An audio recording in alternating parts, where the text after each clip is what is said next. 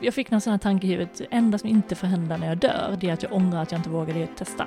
Eh, då spelar det ingen roll om man sitter där med jättemycket pengar och finns regelbok, liksom. Men jag ändå ångrar att nej, jag fegade ur där. Du lyssnar på avsnitt nummer fem av Mitt liv som ingenjör. Podden riktar sig till dig som är ingenjörsstudent, verksam ingenjör eller helt enkelt bara vill veta mer om livet som just ingenjör. Om du vill lämna feedback på podden så finns det en länk till ett anonymt formulär i beskrivningen. Den här veckan träffar jag Linda Krondahl. Hon har en examen i kemiteknik från LTH, men insåg redan under studietiden att det inte var det hon ville jobba med. I sin karriär har hon hunnit med såväl storbolag som att starta eget och hon jobbar idag med att hjälpa startups att lyckas. Vi pratar om hur hon ser på sin karriär, vad som är viktigt för henne och hur hon tror att framtiden kommer att bli. Det här är Linda Krondahl om mitt liv som ingenjör. Jag vill hälsa välkommen till Linda Krondahl. Och det är inte egentligen bara vi i rummet, det är en, en hund här också, en tredje gäst, Ja, eh, som heter Leo. jajamän. Eh, så vi får, vi får se hur det går. Det blir första avsnittet jag spelar in med en hund i Mm. rummet också. Så är det när man får bestämma själv på jobbet. Då skaffar man hund. Jag tänker att du kan jättegärna få börja med att berätta vem du är. Mm. Linda Krondahl då. Eh, om man nu tittar historiemässigt då, så civilingenjör från eh, LTH. Kemiteknik. Med technology management inriktning på. Mm. Och för er som inte vet vad det är, det är alltså att man läser civilingenjör, eh, sin vanliga inriktning och ja, det finns ju inte utbildningen längre tyvärr. Eh, men sen läste vi tillsammans med ekonomerna. Eh, och fick en, läste en termin längre och lite mer och lite mer strategi och lite mer gruppdynamik och sådär. Väldigt bra. När visste du att du ville bli ingenjör? Ja, jag har alltid gillat att pilla med prylar. Jag är uppväxt på landet i en liten, liten by och då fick vi alltid vara med och göra saker och bygga saker och fixa och hjälpa till och dona. Så att det, det kom liksom naturligt. Ehm, Och sen insåg jag att eh, om jag inte vet vad jag vill göra så är civilingenjör en ganska bra utbildning, för då kan man göra lite vad som helst efteråt. Ja. Men var det liksom, fanns det några andra alternativ på bordet också, eller var det? Jag var inne lite på bioteknik och så. Ja. Eh, och ska man titta längre tillbaka så ville jag bli arkitekt. Ja. Eh, och innan dess veterinär. Så det har ju skiftat lite. Men jag kände nog att ingenjör, då är det brett. Då är alla dörrar öppna sen, när jag väl kan bestämma mig. Och det slutade med att det blev eh, kemiteknik Mm. på LTH. Mm. Varför blev det just kemiteknik? Ja, det är så enkelt som att jag i eh, trean på, jag började precis när de gjort om till program på gymnasiet. Ja. Tror det var första året. Och då eh, gick man alltså natur första året. Och sen valde man i tvåan på gymnasiet om man gick natur eller teknik. Mm.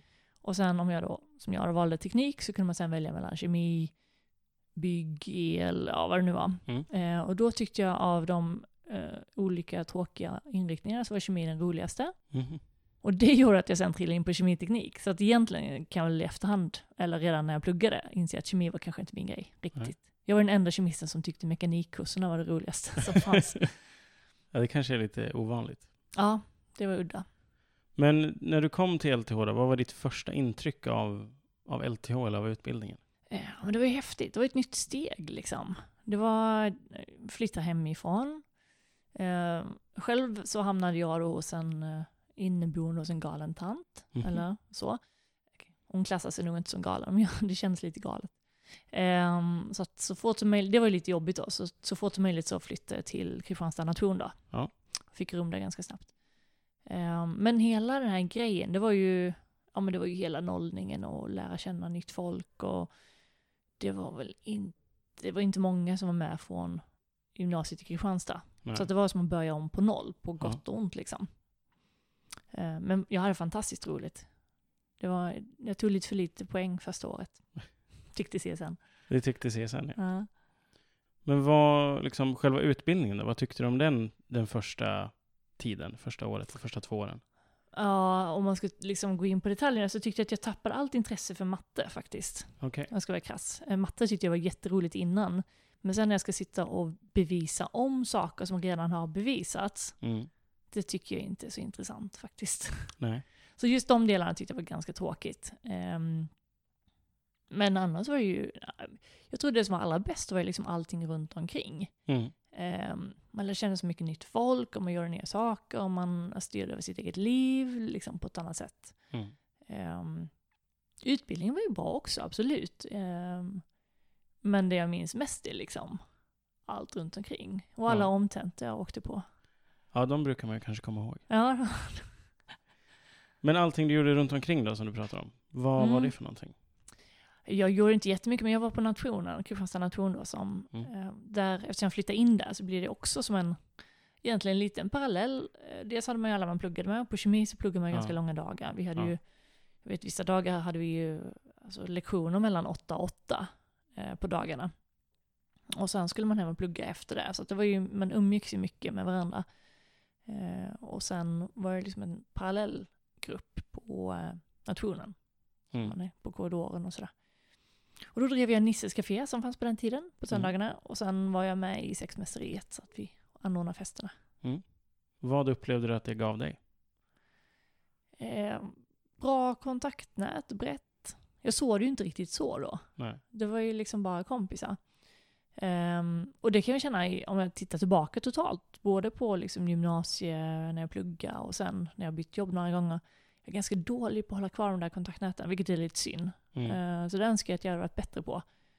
Eh, Nu underlättar ju faktiskt Facebook då och lite så här Ja, gamla grupper man återknyter kontakter med. Men, men ehm, om jag hade varit så här strategiskt karriärmässigt smart, då skulle jag säkert hållit igång alla dem mycket mer. Mm. Men så funkar inte jag. Men har du kontakt med någon av dem du pluggade med eller som du var Absolut, ja. ja. Men vi har visst ett, eh, ett litet gäng just på kemiteknik som försöker träffas någon gång om året. Nu är vi utspridda över världen då. Ja.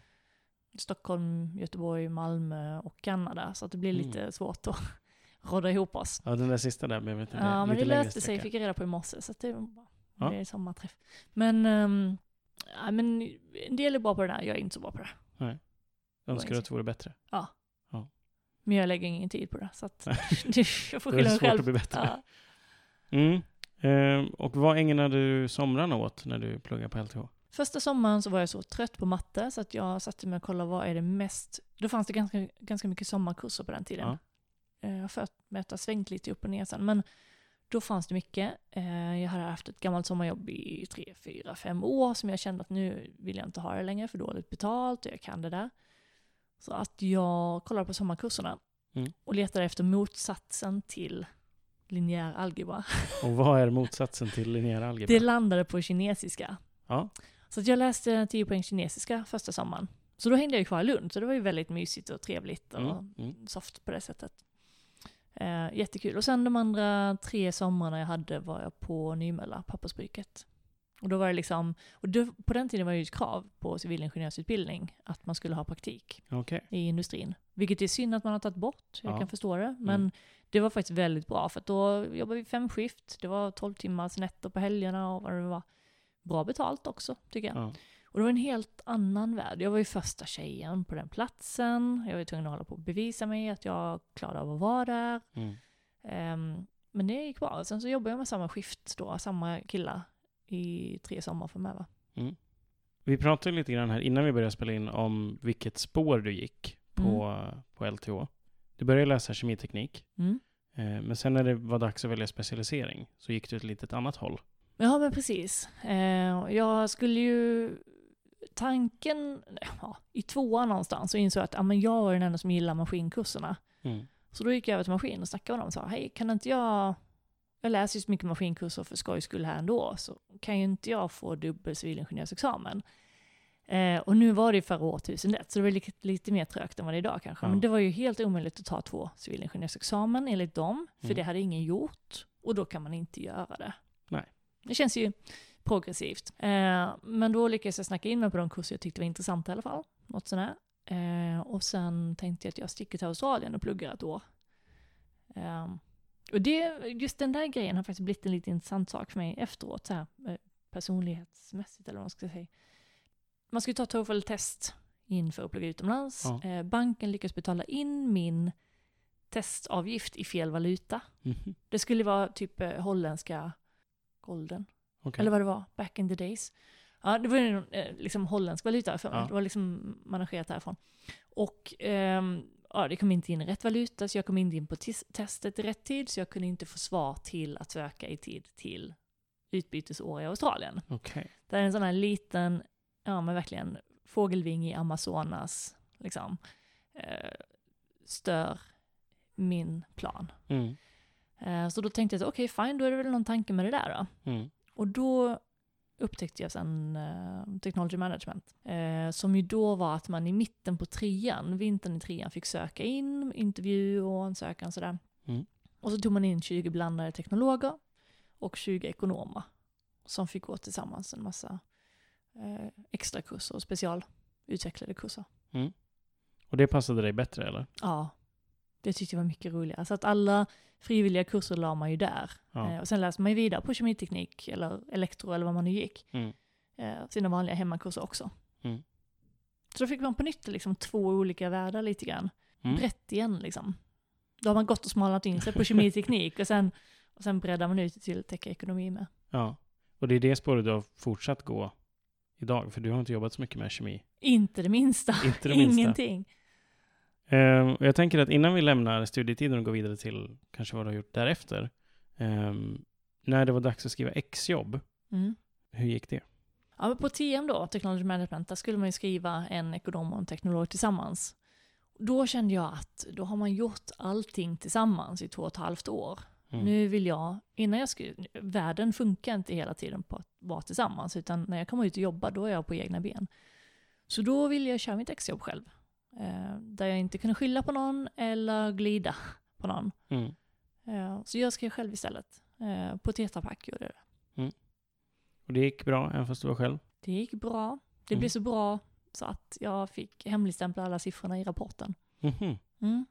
Så de skulle använda det själva eller? Eh, Det, det vet jag inte, men de var väl för stora så man vill inte berätta att så här mycket bättre kunde vi gjort det. Okej, jag förstår.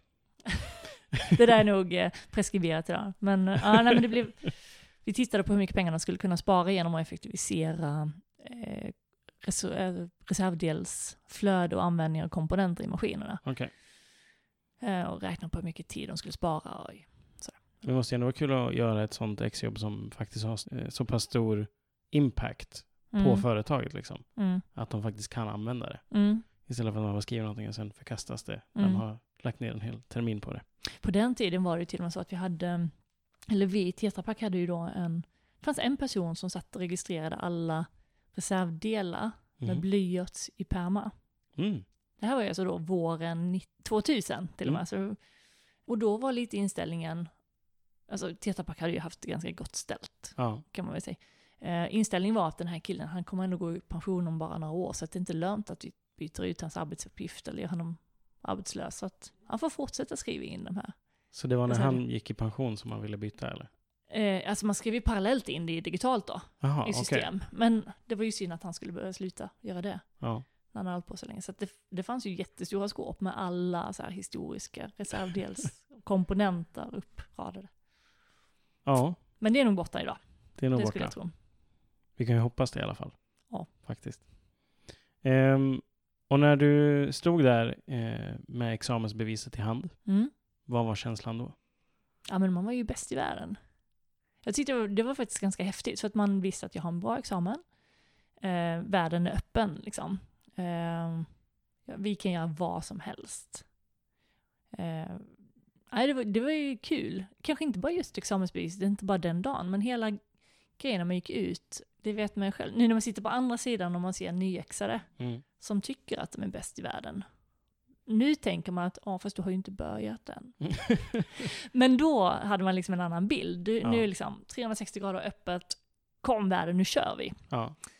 Eh, och då var det ju, våren 2000, då hade väl i princip alla fått jobb innan examen. Mm. Så att det, vi var redo att sugas upp av liksom, arbetsmarknaden. Så du visste när du tog examen var du skulle jobba Mm, efteråt? mm. Det var med lite intressant, jag sökte jobb på, jag sökte ett jobb. Ehm, jag ska inte säga något namn här nu, men ett bolag som, eh, ett ganska stort svenskt bolag Ja. södra Sverige.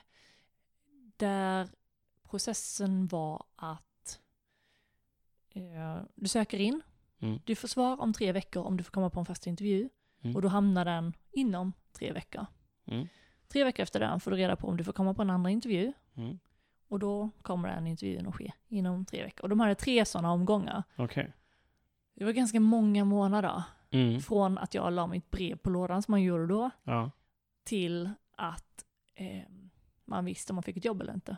Ja. Så efter den här första intervjun så kände jag jag kan inte jobba på ett företag där det ska ta, ja men vad blir det, 6 gånger 3, 18, 18 veckor minst. Ja. Och bestämma om man vill anställa en helt nyexad på den lägsta positionen i företaget. ja, det låter utdraget. Ja, Det kände jag att om det är ett tecken på hur företaget funkar, då kan jag inte jobba där. Nej. Så då skickade jag in en ansökan till vad som då var Anderson Consulting. Mm. Fick komma på en intervju, jag, väl, jag tror jag la brevet på lådan på fredagen, en dag efter första intervjun. På det här andra stället. Mm. Um, blev uppringd på måndagen eller tisdagen eller vad det var och sa kom upp på fredag, det är intervju.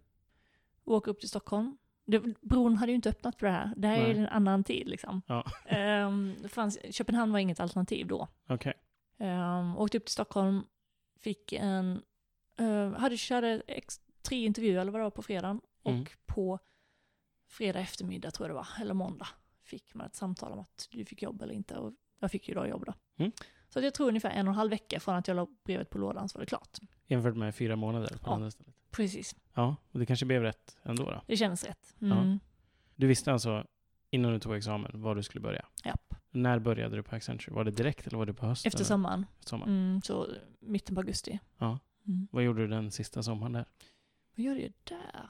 Jag var uppe och fjällvandrade lite och ja, jag antar att jag, jag kommer inte ihåg om jag jobbade någonstans. Nej, tror jag inte. Det var nog, en, det var nog den enda softsommaren man haft som man var 12. Tror jag. Mm. Det är skönt att ha sådana ibland också. Ja. Passa på. Ja. Ja, men då började du på Accenture, eller Mm. Anderson Consulting som det hette Mm, då. ja, det bytte ju namn De bytte namn direkt. direkt. Mm. Vad var din upplevelse av det? Generellt bra. Eh, det ligger nog lite i det här min generalistgrej, att jag gillar att hålla saker brett, att fältet är öppet. Så att, eh, redan från start, dels var det väldigt roligt för att det var många som flyttade till Stockholm samtidigt. Ja. Så det var ju lite som en nollning igen. Eh, en helt ny liten klass, fast nu på, i arbetslivet. Mm. Och ehm, många som flyttade in till Stockholm liksom, och byggde upp sina nya liksom, umgängeskretsar. Så det var jättekul. Och vi var ganska många som hängde kvar. Jag tror vi var 17 stycken så kallade graduates då, alltså som Ja. var direkt efter skolan som, som började jobba eh, samtidigt. Så vi hängde kvar i den här startgruppen jättelänge. Mm. Eh, vi hade väl någon tioårsträff för några år sedan och sådär. Ja, Så att, eh, mm. Och vad gjorde du på Accenture? Då hamnade jag, det var ju konstanta omorganisationer, så är det ju, eller vartannat år eller något. Ja. Ehm, jag hamnade inne på resources, som var naturresurserna. Mm. Eh, så skog, eh, olja, el, vatten, den Mm. typen av uppdrag. Så att jag... Men mitt första projekt var faktiskt att jobba på Ericsson i Lund. Så att jag hade han bara flyttat till Stockholm och sen fick jag ve- veckopendla till Lund. ja. Men sen så var det mycket i elbranschen, skogsbranschen. Eh, några perioder, eftersom, när det väl kom fram att jag hade pluggat kinesiska, då hamnade jag ju i, i Kina, i Mm. Nanjing. Och jobbade där ett halvår. Eller knappt halvår. Eh, men det var ju jätteintressant också. Det här Ja. var 2003 då. Och då, då var inte Kina så mycket på tapeten som nu. Mm. Nu är det ganska, nu är det inte så konstigt att åka till Kina och jobba så liksom. nej, precis. Och sen, eh, ja, men mycket veckopendla. Överlag väldigt bra, men till slut så kände jag att nej, men nu måste jag, det var nästan för enkelt. Enkelt Okej. på ett sätt, jobbigt på ett sätt. Ja. Enkelt på det sättet att du kan se hela din karriär. Mm. Det är en motorväg och du vet att du kommer tjäna ganska bra. Du kommer att få göra spännande saker. Mm. Men du vet också att det blir inga konstiga avstickare. Utan du kan i princip se din tydligt. pension där framme. Mm. Och då kände jag någonstans, nackdelen är att du blir ganska livegen. Till exempel valet att sticka till Kina, det passar inte med alls i livet just då. Och det är en ganska stor grej att Ja. sticka till Kina några månader. Verkligen. Så att jag, eh, det var en typisk sån sak som bara, det här är inte riktigt, det är någonting som inte helt lirar för mig. Ja. Att jag inte kan välja, och jag kan förstå det från bolagets håll, de kan inte, alla kan inte sitta och välja och vaka om man vill. Nej, precis. Man måste ju bli... Det finns ett antal roller och de ska besättas liksom. Ja. Men en fundering bara. Mm, Du sa att du hade läst eh, kinesiska en sommar. mm. Hur mycket kinesiska hinner man lära sig på en sommar? Mm, jag läste den sommaren, den var väldigt bra, så efter den kunde jag ha något sån här samtal faktiskt. Ja. Sen tänkte jag skulle läsa vidare, så jag läste parallellt någon kurs på någon, um, under terminen. Det var en mycket sämre lärare, så Mhm. jag tyckte jag kunde mindre efter den kursen. Mm. Mindre efter 20 poäng än vad jag kunde efter 10 poäng. Eh, men det kom ändå tillbaka så mycket så att när jag var i Kina då kunde jag och min dåvarande pojkvän resa runt i landet två veckor på egen hand. Okej. Helt själva. Och det Mm. klarade vi upp med min kinesiska. Okej. Så det, man hinner lära sig rätt mycket liksom. Ja. Sen gäller det ju att testa. Och när du är i Kina, eller i alla fall då, då kunde inte folk engelska så det var bara att pröva. Mm. Och så lite kroppsspråk och lite sådär. Ja. Det blev en liten avstickare där. Ja men vi, eh, vi var ju ett gäng svenskar som var där och vi stack iväg nästan varenda helg. Flög Ja. vi iväg till någon stad. Eh, och sen så i slutet så la jag in två veckor i, i egen resa där. Mm. För att hinna se landet. För det känns som att det... Någonstans kändes det som att det är så mycket som händer här så att det kommer att... Om tio år är inte det samma land längre. Mm. Så jag är jätteglad att vi gjorde det. Och ungefär när var det här? 2003. 2003. Mm. Och sen när du kom tillbaka från det uppdraget, då, vad, hur gick det framåt då? Eh, nej men jag, det var bara att köra vidare. Men då hade jag ju, det som var min grej där, då hade jag lyckats argumentera fast ett fast slutdatum på det. Eh, jag kunde inte hindra att åka dit och i efterhand är jag glad att jag gjorde det. Mm. Eh, så att efter det så bytte jag projekt. Och sen så hamnade jag på, alltså många projekt var jättebra. Ja. Eh, några projekt var, eh, där kunde ja, men det är ju så att vara i konsultbransch, när du vet hur det går till. Jag var på mycket, mycket stora SAP-projekt och sådär, där man skulle Mm. rulla ut SAP i flera länder. Så då veckopendlade jag ibland till ett, en lång period till eh, Köpenhamn, Oslo och Helsingfors. Kanske jag vet ett halvår, ett år, ett och ett halvt, jag minns inte längre. Alla tre samma vecka eller? Nej, Nej. utan jag körde, det kanske var Köpenhamn i fyra månader och sen var det Ja. kanske Oslo i fyra Okej. månader och sådär. Mm.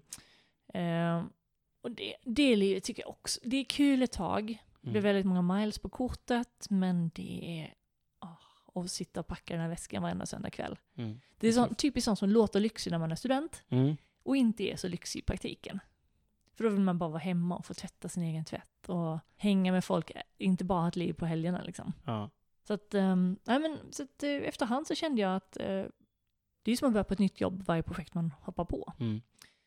Samtidigt kände jag att det är som att börja på samma jobb hela tiden. Jag, jag har varit på så många projekt och i så många branscher och sådär. Så att det är samma nya varje gång på något sätt. Ja.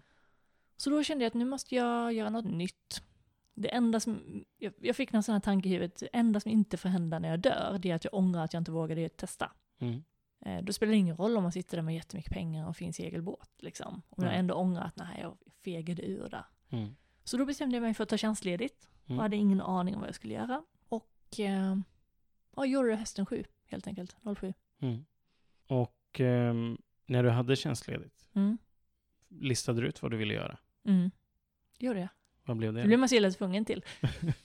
Det finns inga intäkter liksom. Någon måste betala hyran. Ja, men så då eh, hade jag precis eh, fått upp kontakten med en gammal kompis och startat AB, vi startade AB tillsammans när vi pluggade. Mm. Eh, och så splittade vi på oss och sen tog vi upp kontakten igen där. Och började spåna tillsammans vad vi skulle göra. Eh, och började kika på det här med solceller. Mm. Eller rättare sagt, om man ska göra, berätta vad det egentligen var så vi gjorde varsin lista på vad vi tyckte var viktigt i livet. Ja. Vi åkte ut till någon, någon sommarstuga och satte oss en helg, eller några dagar. Och listade upp på egen hand vad som är viktigt. Mm. Ja okej, men, ja, men pengar är viktigt. Man vill inte behöva ligga vaken för att veta vem som ska betala hyran. Mm. Ja men resa är också ganska viktigt. Eller att få bestämma själv känner jag var viktigt för min del. Mm. Eller att man gör något gott för världen Mm. och så vidare. Så jag, jag, kom upp med, jag vet jag hade väl en 12-13 punkter på min lista. Ja. De här sakerna, om jag nu ska titta liksom uppifrån på mitt liv, vad vill jag ha med? Vad är Mm. viktiga delar? Får välja vem jag ska jobba med, till Mm. exempel.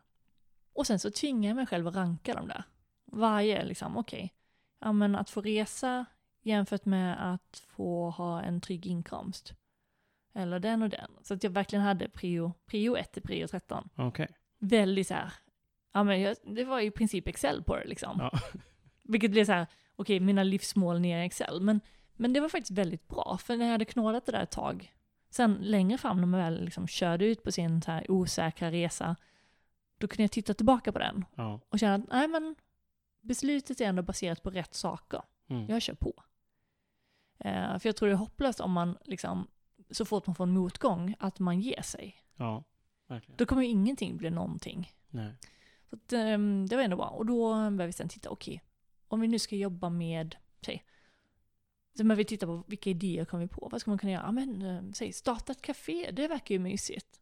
Och så checkar vi av det mot de här kriterierna. Mm. Gör vi något gott för världen? Ah, sådär. Resa jobbet, glöm det. Mm. Tjäna pengar? Ah, antagligen inte. Det var liksom, då inser man att den här idén som låter väldigt eh, härlig på ytan är ganska kass Ja. för vad jag vill uppnå. Så det, det var faktiskt en sån här upptäckt efterhand, att det där var ett bra sätt. Även om det låter torrt så tvingas man själv liksom utvärdera kritiskt. Mm. Och då trillade vi i alla fall ner på solceller. Och tyckte att det där, det måste ju komma. Solceller är häftigt, det är Mm. magiskt. Mm. Du lägger ut dem, ingenting som förbrukas, ingenting som förstörs, de kan hålla i 20-30 år. Liksom. Mm. Och du bara får ut massa el. Ja. Helt otroligt. Så när vi väl hade bestämt det, då sa vi okej, vad gör vi med solceller då? Och det är lite som att, först tycker man, "Ja, men nu har vi bestämt hur vi ska göra. Vi ska Mm. jobba med solceller. Sen när du börjar titta på det, då är det sådär, "Ja, men det där, vadå jobba med solceller? Vad ska du göra då? Ja. För liksom, det, man kan inte bara jobba med solceller. Nej. Och då tittar vi på en massa varianter och landade i att göra en liten bärbar lösning för friluftslivet då. Du får el när du behöver den. Det är inte så mycket på vintern. Alltså, vi fick koppla till när finns det sol, när Mm. behöver du el och så Mm. vidare. Så att, eh, ja men en lång historia kort. Vi eh, utvecklade en liten produkt som var bra för eh, friluftslivet. Och så klar, du fick ljus och laddning. Ja. USB-uttag på den. Och sen eh, började vi dra igång produktionen av den hösten 10. Och då, eh, ungefär samtidigt, eller i den vevan, så faktiskt innan vi drog igång produktionen så kom jag i kontakt med en kille som hade jobbat i Afrika. Mm. Och han berättade lite om liksom, situationen där, alltså, alla vet ju situationen i Afrika om man säger så, men det hade börjat komma väldigt mycket mobiltelefoner där nere och det fanns ett jättestort behov av lite el Ja. mitt i ingenstans. Mm. Eh, och då om man så lite på hur vi hade utvecklats här, där vi i Sverige hade gått, om vi tar telefoni till exempel, där vi har liksom gått från alltså, trådbundet till mobilt. Mm. I Afrika hoppade de över trådbundet och bara körde mobilt direkt. Jag gick direkt på det. Man skulle kunna göra samma sak på elen. Mm. Okej, det finns inget elnät ute. Skit i det. Mm. Vi hoppar direkt på mobilt. Alltså då till vår lilla flyttbara lösning. Ja. Så att vi eh, helt enkelt styrde om fokus mot ehm, Afrika. Mm. Och då hade min, min ursprungliga kollega hoppat av för hon skulle få barn. Okej. Eh, men jag hade träffat en annan partner som gick in i bolaget med. Så det var vi två som körde det här. Mm. Eh, och sen blir det mycket resor till Afrika faktiskt. Eh, ofta månadslånga. Så där fick jag ju mina resor igen då, fast på ett Mm. helt annat sätt. Och nu kunde jag styra dem själv. Mm. Mycket i, eh, jag började i Botswana. Och sen var vi i eh, Zambia, Kenya, Tanzania. Mm. Okej. Vad var det ni gjorde under de här resorna då? Då var det att träffa organisationer som skulle kunna vara, alltså dels att testa med kunderna och dels Mm. att träffa samarbetspartners som skulle kunna vara våra kunder. Mm. Och det visar sig, alltså det kan vara väldigt många. Det kan dels vara personer som själva har råd. Ja. Det finns ju en stor medelklass. Men som har ofta liksom en motsvarande sommarstugan ut på landsbygden eller de har sina Ja. föräldrar kvar i någon by. Eh, och har absolut råd att köpa bra kvalitetsprylar till dem. Mm. Eh, Men vi pratade mycket med Ministry of Health till exempel, eller olika, olika liksom government-delar. Mm. Eh, Vi pratade med hjälporganisationer, vi pratade med mikro, mikrobankslösningar. Eh, det finns Mm. väldigt mycket lokalt. Mm. Um, jag försökte hitta rätt upplägg och liksom, men det- är väldigt långa processer på den. Mm. Och vår produkt var ju egentligen byggd för att hantera liksom västvärldens eh, friluftskund Mm. som har en helt annan plånbok. Mm. Så att eh, det var svårt att få att kunna räkna hem det här ändå. Alltså vi kunde ju rent krasst räkna hem det i en payback-tid ute hos, vi var mycket med massajerna till exempel i norra, Ja. norra Tanzania. De hade ju en payback-tid på tre månader Ja. för att de kunde ta betalt för att sälja laddning till mobilen. Ja. Och det är inte många produkter man har en payback-tid på några månader på. Nej, verkligen Men, men i krasst så finns deras kapital i kor. Så att det är inte Ja. så, ja, de är svåra att skeppa hem på. Ja, det blir lite svårare. att- Ja, så att det, handla med. det är en svår, svår business, men jag lärde mig otroligt mycket. Mm. Att, mm. Du är inte aktiv i bolaget idag? Eller? Nej. Nej. Jag blev tillfrågad av, under den här resan så var vi ett eh, inkubatorsbolag i Sting, Mm. Stockholm Innovation and Growth, som är en inkubator här i Stockholm. Där eh, lärde jag känna dels coacher och dels deras vd Per Hedberg. Mm. Som sen, jag tror sommaren 14, ville ta ett möte och frågade om jag ville dra igång ett ställe för hårdvarubolag. Eh, och det tackade jag ja till. Så då lämnade jag över bolaget till min kollega som driver det vidare idag. Jag läste någonstans att det inte var helt klart för dig att det var just eh, att du skulle leda det här som han ringde om. Nej, för först frågade han bara, skulle det inte vara bra om det fanns ett ställe för hårdvaru startups? Jo, så jag, absolut, men jag skulle vilja haft det för tre år sedan, eller fyra, Ja. när vi liksom satt, på den tiden när vi gjorde våra prototyper, alltså det fanns ju inte 3D-skrivare. Det Nej. låter ju som det här är 1800-talet. Eftersom jag nu själv har tre 3D-skrivare här i huset liksom hos Ja. oss. Och det är en så självklar del. Mm. Um, allt gick ju så långsamt, man fick vänta månader på en plastdetalj och sådär. Mm. Nej, så jag sa att jo visst, det hade varit jättebra, men nu finns det ju inte det. Och sen så träffades vi och så sa han att du, ska inte du se till att det finns det då? eh, och då kände jag att jag funderade ett tag. Mm. Och sen insåg jag att jo men, det ska jag nog göra. Eh, jag har ändå varit med hela vägen nu från liksom att ha en idé, en grov idé om vad man vill göra, till Mm. att liksom testa det mot kunder, och producera och försöka liksom nå volym i försäljning. Mm. Eh, jag har liksom kikat på en sån resa. Kan jag ta mina erfarenheter därifrån och ge dem till en massa andra bolag? Jag är inte ansvarig för hur det går för dem. Jag behöver inte driva alla grejerna. Jag kan bara försöka liksom vara spindeln i nätet för kontakter och kunskap. Mm. Mm. Då eh, det låter ganska trevligt faktiskt. Så då körde vi igång det hösten 14. Och det är det du håller på med fortfarande idag? Ja, det är det. Så att det är Things. Ehm, vi försökte hitta ett bra namn. Vi jobbar ju mycket med hårdvara. Hårdvara var i fokus från början. Mm. och landade i att det, var, det är svårt att utveckla fysiska produkter. Eh, när jag snackar med bolag som gör en app så tycker de att ja, men det här är teknik, det här är tufft, det här är deep tech. Mm. Ehm, och sen när jag snackar med bolag här, då är liksom appen är ju, ja det är en sak, den fixar man med vänsterhanden, men det tuffa är ju allt det andra. Ja. Liksom, du ska bygga en pryl som ska skickas någonstans och den ska tåla 40 plus och 40 minus och ja, allt vad det är. Eh, så att, eh, mm, ja, vi skapar ett sånt ställe där vi tycker att vi försöker hjälpa dem. Eh, och nu efterhand, har vi- nu har vi varit igång i tre år ungefär. Mm. Hade treårsfest för några veckor sedan och vi har lite ändrat, inte ändrat, men vi har breddat fokuset. Så det är inte bara för hårdvarubolag längre. Utan vi insåg efterhand att det finns, ett, det finns otroligt mycket fina små techbolag som vi hör väldigt lite om, men som är inriktade på B2B och industrifokus. Ja. Och vi har väldigt mycket fina industribolag i Sverige Mm. som, de är jättebra på det de gör, men de är inte alltid snabbast på bollen på det de inte gör. Vilket är bra. Mm. Det hade varit hemskt om de sprang på allt. Ja. Och då kan vi knyta ihop dem, och det är mycket det vi gör här. Eh, Och få dem att träffas och få storbolagen att bli riktiga kunder till småbolagen. Mm. Och ni jobbar en del med partnerskap här också. Mm. Hur funkar det? Vi har ett antal, vi har lite olika typer av partnerskap faktiskt. Vi har ett gäng som är main partners eller huvudpartners och då Mm. är det representanter för industrin eh, som hjälper oss att hålla oss på, ja, men i framkant kan man säga. Mm. Vi diskuterar med dem vad är det som är intressant för dem, vilken typ av bolag är relevanta och utifrån det så styr vi vilka våra fokusområden är.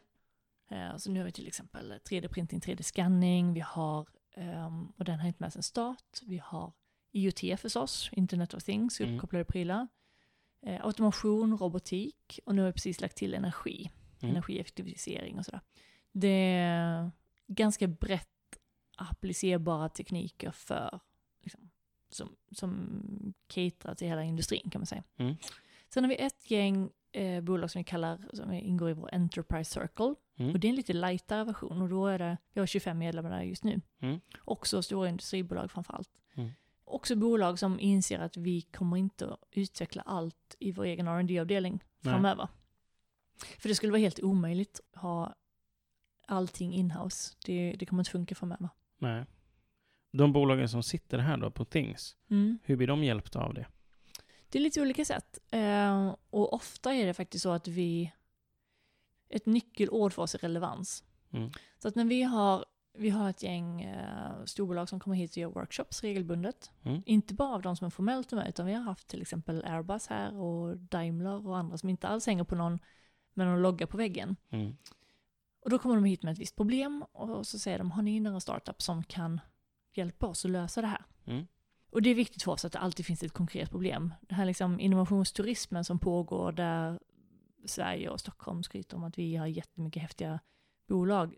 Vi får inte slösa bort deras tid genom att ta med dem om det inte finns ett riktigt kundcase. Mm. Det tycker jag är viktigt. För som startup idag, du kan sitta och lägga 80 timmar i veckan på att vara med på mingel och events och meetups och gratis lunch.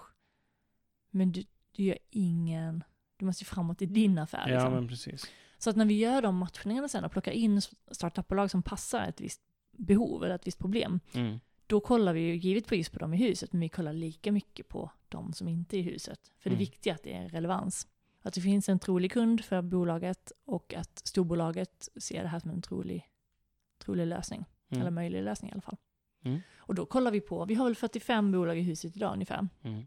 Ungefär 50 alumni som varit här eller flyttat, och flyttat vidare. Men sen har jag kontakt med 300-400 andra techbolag i Sverige, runt om Mm. i Sverige, inte bara Stockholm då Mm. Som, kan, som har olika lösningar på saker. Och Mm. då försöker vi kalla in dem när, vi- när vi kan.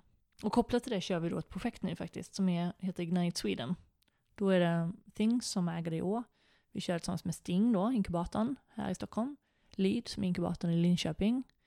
Eh, Uminova i Umeå och Mink i Malmö. Mm. Och sen har vi med CISP som är eh, Sveriges inkubatorer och science parks. Mm. Så då har vi ju väldigt bra liksom, eh, räckvidd ut till startups i inkubatorsnätverken. I hela Sverige? Ja, i hela Sverige. Ja. Och sen tar vi själva kontakt med bolag som vi tycker är intressanta. Så att många bolag som vi får in i de här mötena, vi gjorde drygt 600 möten förra året, Mm. matchade. Eh, De finns ju inte på någon lista någonstans, för de är, sitter i Alfta och har utvecklat en produkt kopplat till industrin som ligger till. Alltså väldigt kundfokuserat. Så sånt gör vi mycket idag. Ja. Och vi var inne lite på att det sitter ungefär 45 bolag i huset nu. Mm. Hur hamnar man här? Söker man eller hur väljer ni och sådär? Mm. Eh, man söker, eller så söker vi upp i bolag. Vi gör ganska mycket så att vi tittar ut bolag som vi tycker är intressanta och bjuder hit dem på en Mm. kaffe. Inte för att de nödvändigtvis måste flytta hit, utan för att de ska känna till oss när Mm. det passar. Och för att vi ska känna till dem, nästan ännu mer det. För då kan vi kalla in dem. När, vi kom, när det kommer någon med ett behov till oss, ett storbolag, då kan vi då vet vi att ja men just det, det är den där killen som sitter uppe i Umeå. Honom ska vi kalla ner nu, för nu är det en bra, nu är det en fet fisk här som ligger och väntar på Ja. nappa. Så att, ja, de är från hela Sverige. Ehm, man söker hit om man vill då förstås. Eh, och sen har vi en liten, liten, prak- ja, vi är ju som en startup själva. Ja. Eh, jag och min kollega Magnus Melander, vi är utvärderingskommittén. Mm. Och vi tittar på, finns det någon intressant teknik någonstans här? Kan vara så att vi tycker du applicerar den på helt fel segment, men det är ditt problem. eh, och kriterie två, att, att du och ditt bolag verkar vara trevliga, trevliga personer. Mm. För det är viktigt när vi har communityn i huset. Det sitter 140 personer ungefär. Mm. Eh, då vill man ha folk som kan, ja men du vet, det är viktigt hur känslan är, det ska bli familjärt och man ska Ja, våga verkligen. berätta om sina, vad man sliter sitt hår med. För Ja. det är en stor del av nyttan att vara här, att man har nytta av varandra. ja, precis att man slipper sitta hemma själv och dra sig i håret utan man kan Mm. komma hit och ventilera och kanske lära sig av andra också. Ja, jättemycket så. Eh, vi har haft vissa fall där eh, vi hade en dragning i köket av ett bolag och de berättade om vad de gjorde. Eftersom vi har så många bolag och det roterar hela tiden så känner Ja. inte alla varandra. Eh, berättade vad de gjorde och så berättade de lite grann om vilka deras huvudproblem just nu var. Mm. Och då har de stångat sig blodiga med hur de till exempel jobbar mot nätet med, i deras fall var det 40 gig stora bildfiler. Oj. Ja, och, det, och mot cloud, det, det är jobbigt om det bryter liksom. Ja. Eh, och då satt ju ett annat bolag i huset som jobbar med väldigt stora 3D-filer, Ja. som också jobbar med cloud. Och de löste det där problemet på 10 minuter. Mm. Vi har gjort så här, plupp, plupp, plupp. och så grävde de ner sig i sitt lilla hål och drog igenom hur de hade lagt upp det. Perfekt. Sen var det klart. Mm. Det Så det, det är typiskt sånt, vi som jobbar här, det är inte alltid vi sitter på svaren, men vi är snarare spindlarna som försöker få de här att connecta. Ja. Dels mellan bolagen själva eller då till kunder, eh, andra som kan hjälpa till. Och nu när du, så du började ju och jag gjorde lite storbolagskarriär. Mm. Eh, gick över och gjorde så litet man kan, starta Mm. eget. Mm. Och sen nu jobbar du ju väldigt nära många liksom, startups här. Mm. Om det är en person som lyssnar idag som själv funderar på att starta någonting eget, vad Mm. har du för tips till den personen då? Ja, antaget att man har en idé då vad man vill, tänker jag. För det är oftast då som bolagen kommer med, eller personer kommer med och säger Hej Linda, jag har världens bästa idé. Okej, så jag berättar vad är det? Nej, men du den är så hemlig så jag kan inte berätta vad det är. Det är big fail. Ja. Ehm, ofta är det ju så att om man tror att man har världens bästa idé, så dels så gör jag antagligen inte själv om den i världen i alla fall. Den finns säkert på tio ställen till runt om i världen. Mm. Och att inte de, jag har inte tid att sno några idé. Eh, och de flesta andra har inte heller tid. Det är samma som här i huset, alla har ju sin baby. Ja. Så att istället våga berätta om vad du vill göra. Mm. För dels kan du få eh, jättebra input av där folk, du kan få dålig input också Mm. förstås. Men lyssna på allt, sen får du sålla bort det du tror på och inte tror på. Dels får du väldigt bra input på det där kommer att lira eller kommer inte lira för att, eller jag saknar det där, eller vad det nu kan vara. Mm. Och dels kan du, vilket kanske är ännu viktigare, hitta medresenärer. För att du, det går, det går ett tag att köra själv. Du kan Mm. köra en konsultlåda själv. Men ska du bygga ett bolag, då kan du inte göra det själv. Du behöver hitta kompisar som är med på resan. Som när du tycker att nej, jag skiter i det här, jag gör upp, så är det någon annan som har energin och kan ta över och dra liksom. Mm. Så att, jag tror, ska man få det att flyga så behöver man vara flera stycken och flera hjärnor som kan utmana varandra. Ja. Sen om det är så att du har, ska vilja lägga till där, du ska prata om det som inte är jättehemligt. Om du har en liten, liten kärna där inne som är liksom det unika i din idé, ja men håll tyst om den då. Men men berätta om berätta vad du vill. Ja. Mm. Till så många som möjligt, så mycket som möjligt. Mm. När du började tänka på vad du ville göra när du hade tjänstledigt, Mm. så att du gjorde en lista och sen rangordnade den eh, allt eftersom vad som var viktigt för dig. Mm. Är det fortfarande samma saker som är viktiga nu som det var då? Eh, jag har faktiskt inte kollat på den på några år nu. I princip tror jag att det är det, för de var så generella. Eh, sen har det ju hänt saker sedan dess. Jag har ju fått barn och gift mig, skaffat hund och skaffat, skaffat hus och så. Så nu, jag tror att vissa saker kanske, alltså principerna tror jag är samma. Ja. Men det kanske, jag kanske ska lägga till att mer tid att hänga med familjen, som är ett krav nu, som inte fanns när man var singel. Mm. Ehm, ja men den har säkert ändrats lite grann. Men jag tror om man gör en sån lista, då ska man nog försöka att inte vara för liksom, detaljerad. Den ska hålla lite eh, över tiden. Vad är viktigt för dig för att du ska trivas med ditt jobb? Ehm, mm. Jag tror det är fortfarande viktigt att göra någonting meningsfullt. När, jag, när vi jobbade med High Nation och var nere i Afrika man liksom så, du vet vi träffar ju familjer som bodde ute i landsbygden och hade varken, alltså skolgång var ju en lyx. Eh, Mm.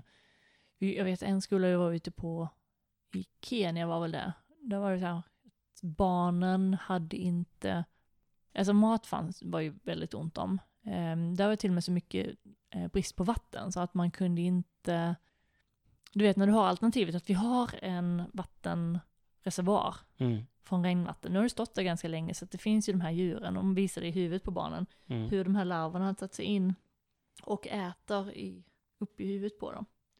Eh, då kan man känna att om vi kan på något sätt hjälpa det där Mm. läget lite bättre, då är det väldigt meningsfullt. Ja. Eh, så att gärna en meningsfull sak. Nu kan jag väl då känna att det jag gör nu, det är inte meningsfullt på samma sätt. Jag räddar inte världen som jag gjorde då. Utan nu får man hoppas att man räddar världen på ett annat sätt. Ja. Um, men fortfarande att göra någonting som är vettigt som jag kan stå för. Eh, jag skulle ha väldigt svårt att... Ja, men jag tror det ligger det här, jag, jag kan inte sälja något som jag inte tror på. En del är säkert bättre på att hålla den fasaden, men jag måste verkligen tro på det jag gör. Ja. Annars så kommer det bli ihåligt och då kommer jag inte vilja göra det. Det är, nog, det är kanske det viktigaste. Och sen efterhand har jag märkt, så länge man väl tjänar tillräckligt mycket pengar för att klara sig, sen är det ganska ointressant med någon tusenlapp hit eller dit. Jag skulle aldrig välja ett jobb för att någon lön är lite högre, utan det måste vara vad är mest spännande, Mm. vad är mest roligt, vad skulle jag... Jag jag kommer ihåg en gång på Accenture när vi skulle göra en omorganisation, jag hade valet att gå till organisation A eller B. Mm. Och det var med en sån här som jag tagit med mig. Eh, det finns inget beslutsunderlag. Jag vet inte hur det kommer bli i någon av dem. Hur ska jag välja? Ja men då satte jag mig och så bara, ja men nu låtsas jag att jag har valt organisation A. Hur tror jag att det blir? Ja men det blir så här, så här, så händer det och så ska jag träffa, jobba med dem och så ska jag göra så. Jaha, hur känns det i magen? Ja men det känns, ja det känns så här. Jaha okej. Mm. Och sen så bort med allt det, nu tänker vi att jag är sist i den organisationen och försöker verkligen du vet, detaljerat tänka mig igenom. Hur funkar det? Vilken typ av uppgifter gör jag där? Vilka Mm. jobbar jag med då? Jaha, just det, där kanske lite mer resor där, där blir det så, där blir det det. Va. Hur känns magen då? Och sen så tar jag den där magkänslan är bäst. För har man inget att gå på, då får man bara försöka köra någon sorts, eh, jag vet inte, intuition eller någonting där man, vad tror jag, vad tror, för min del, vad tror jag blir roligast? Vad tror jag jag får mest variation, eh, mest frihetsgrad? Mm. Ehm, det kommer ju ofta vara, det är ju samma om man liksom har pluggat klart, om man har två jobb att välja på. Mm. Du vet ju inte var du kommer att trivas. Nej. Och sen kan det i alla fall hänga på om du får en bra eller dålig chef, fast bolaget är jättebra. Mm. Ja, man vet aldrig. Men det är ju det också, jag menar, man kan ju skifta väg hur många gånger som helst. Det blir inga guldklockor nu för tiden. Nej, det, det är väl inte det som lockar längre. Nej. Det som däremot verkar locka om man kollar på säg, undersökningar vad, vad studenter idag när de tar examen, vad de är ute efter. Så det här med work-life balance slår ju ganska högt för många. Mm. Eh, men det är ju ett koncept som är, det är mycket upp till var och en att tolka. Så jag vill fråga dig vad work-life balance betyder för dig och hur du uppnår det. Du menar om jag uppnår det? Ja, eller så. Eh, nej men jag tror, alltså min, min ehm, inställning är att jag jobbar hellre eh, 12 timmar på ett ställe jag trivs än 4 timmar på ett ställe jag inte trivs. Mm. Och jag har nog alltid varit så, där, där skulle jag säga en viktig del är att välja rätt partner. Som står ut med att man alltid är lite sent hem från jobbet. eh, nej men annars tror jag att ehm, ja, men man får väl hitta vad som är viktigt för sig. Jag tycker nog aldrig att jag riktigt har work-life balance. Men det blir ju en sorts balans i det. Eh, och jag är ju typen som i princip ja, men alltid jobbar, kan man säga. Mm. Eh, på dygnet eller på året. Det ska man inte göra. Samtidigt så vet jag att om jag behöver sticka till um, en sommarstuga i Skåne, Mm. om jag av någon anledning behöver vara där en vecka, då åker jag dit och är där en vecka. Mm. Så att ansvaret, så länge man har det balanserat med eh, liksom, rättigheterna och makten, då är det inte ett problem för mig. Eh, Jag kan göra mitt jobb var jag vill. Och Mm. det är ingen som kommer att säga till mig hur dags jag ska vara på jobbet eller eh, var jag ska vara på jobbet eller hur jag ska sköta det. Det tror jag är min balans. Om man hade däremot allt ansvar och eh, jag förväntas svara på mail eh, 20 timmar om dygnet eller vad det kan vara och jag inte har friheten på andra sidan, då har det aldrig funkat. Mm. Jag tror det är det som gör att man inte liksom, bränner ut sig. Utan att eh, man tar igen det när man känner att man, man måste. Mm. Men det blir mer lättare efterhand. nu är det här mitt eget, mitt eget bolag, eller vad man ska Ja. säga. Jag är ändå vd här. Eh, och jag försöker agera likadant mot alla mina kollegor. Ja. De som inte har ett jobb där de måste vara på plats, då kan du göra det vad du vill. Jag bryr Mm. mig inte om vilka timmar du jobbar. Eh, utan det måste vara var och ens eget ansvar. Eh, däremot måste då jobbet vara så kul så att man faktiskt vill göra sitt jobb bra. Eh, det är ju svårare när man kommer ut som nyexad. ja, verkligen. Eh, men sånt blir lättare efterhand. Avslutningsvis så brukar jag göra så så att jag eh, läser upp lite påståenden som Mm. du sen får fortsätta på. Mm. Så jag tänker att jag börjar med följande. Mm. Mitt bästa entreprenörsminne är? Ett av de eh, roligaste, ja, det finns så himla många. Jag måste säga att alla de här prisutdelningarna och sånt som finns, som tävlingar och ut, liksom, man hamnar på någon lista, det är faktiskt väldigt roligt. För man jobbar de här 360 dagarna om året i gruvan. Mm. Och sen någon gång får du gå upp på en scen och bli Ja. fotograferad och få en blombukett. Och då väger det upp många av de där sena nätterna. Ja. Det är ett exempel från um, när jag fick eh, på, se, 2011 var nog det, eh, supertalanglistan. Då vet jag det här man kommit upp till Stockholm för att det var Beautiful Business Award precis dagen innan. Så att jag skulle på båda dem. Mm. Och jag visste att jag var med någonstans på listorna för att de hade liksom, du vet, kollat, är du verkligen på plats? Mm. Då fattar man att nu är det någonting på gång här, så då är man på plats Mm. helst. Och då gick vi på den här eh, Beautiful Business Award, det var ena kvällen, där blev jag årets uppstickare. Och sen så tror jag det var dagen efter som det var eh, supertalanglistan. Och då eh, satt jag och mamma i publiken, jag satt och meckade med telefonen eller vad det var. Så började de läsa upp tian, och det finns ju 101 stycken på den här supertalanglistan. Mm. Så jag tänkte inte så mycket mer på det. Så vi går, vi går dit och så tar vi någon snack och så går vi hem liksom. Mm. Ja, de läst upp tian, nian, åttan och sen så kom sjuan så bara hon jobbar i Afrika med sin solcellslösning. Jag var såhär, fasen finns det en till? finns det en till som jobbar i Afrika med solceller? Jag har aldrig hört talas vem, vem fasen är det? Jag, jag fattar inte att det var jag. Det var helt... Nej. Så att när de bara Linda Krondahl, High Nations, bara va? Uh, ah, ja! Ehm, så det var verkligen så här, man har ju inte den bilden av sig själv. Nej. Man tänker inte på det, för att man sitter där i sina, du vet, man bara jobbar, jobbar, jobbar, jobbar, jobbar. Och det går så trögt. Och det är liksom, man måste jobba för allt. Så att, ehm, ja, det var en sån där rolig grej. Eller när de då ringde, när de till slut fick tag på mig i Indien, när vi var ute i liksom obygden i Indien, Mm. hösten 13 var väl det då, när de ringde och berättade att jag fick det här uppfinnarpriset. Mm. Det var också sådär, va? Upp, uppfinnare? Ja, ja, nej, men det kan, väl, det kan väl vara om ni vill kalla mig det. det går. Kör för det. Ja. Mm. Om jag inte gjorde det jag gör idag så skulle jag... Det vet jag inte. Det har faktiskt varit så, vi- tror jag, nu när jag tänker efter, vid alla de här liksom skiftena som jag har gjort, eller alla, men när jag liksom först hoppade på konsultlivet och sen bytte till High Nation och sen bytte till Things. Jag har inte planerat det innan, Utan det har dykt upp. Och jag kan ju se att historiskt då, då har jag kört sju års cyklar, sju år på Accenture, sju, åtta, och sju, åtta på High Nation. Mm. Ja, men då, nu har jag varit här i tre år, men jag kanske har tre, fyra år kvar här då, max. Mm. Och jag börjar fundera på vad vill jag göra sen då? Jag har Mm. ingen aning vad jag vill göra sen. Och det är så här, ja men du måste ju ha en plan, tänker man. Man ska ha något sådär stort karriärsmål. Men, ja, men vem vet hur livet ser ut då, eller världen för den delen. Vad... Nej, jag är nog inte sådär... Det, det löser sig. Det Mm. dyker upp något alldeles lagom till det är dags att byta. Mm. En person jag ser upp till är... Den har jag aldrig lyckats svara på. Alla svarar såhär Mahatma Gandhi eller något sånt där. Men nej, jag tycker snarare jag försöker ta lite här och var. Så jag har ingen generell. ehm, nej. Nej. Och den absolut sista. Mm. Om du skulle få gå tillbaks med den kunskapen du har nu. Mm. Om du skulle få gå tillbaks till dig själv som student. Mm. Vad skulle ditt bästa tips vara då? Ehm, även om man tycker att man har smalnat in det så finns, alltså du kan göra vad som helst sen ändå. Inte minst nu för tiden. Det var annorlunda för 50 år sedan. Jag trodde nog att jag skulle jobba med något inom det jag pluggar. Ja. Det kan man ju tycka verkar logiskt annars. Ja, kan man Ja. tycka. Men, ehm, jag vet inte, lite så här, det löser sig. Skit i det, gör det som är intressant och roligt, för det är det jag tror att man blir riktigt bra på.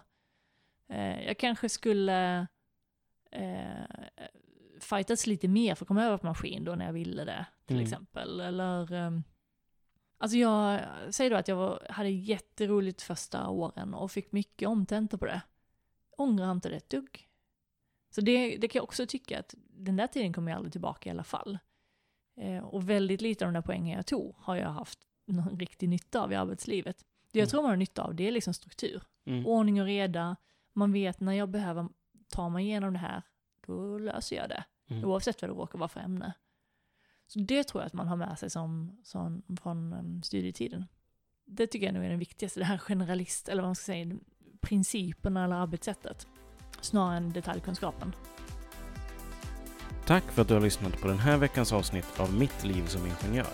Som jag nämnde i början av avsnittet finns det möjlighet att ge feedback via ett anonymt formulär.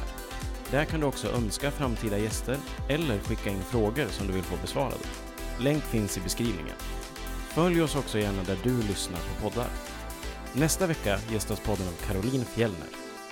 Vi pratar om tiden efter examen från Chalmers, hennes intresse för att bygga varumärke och hur hon idag försöker förbättra medarbetarupplevelsen genom sitt eget företag. Vi hörs!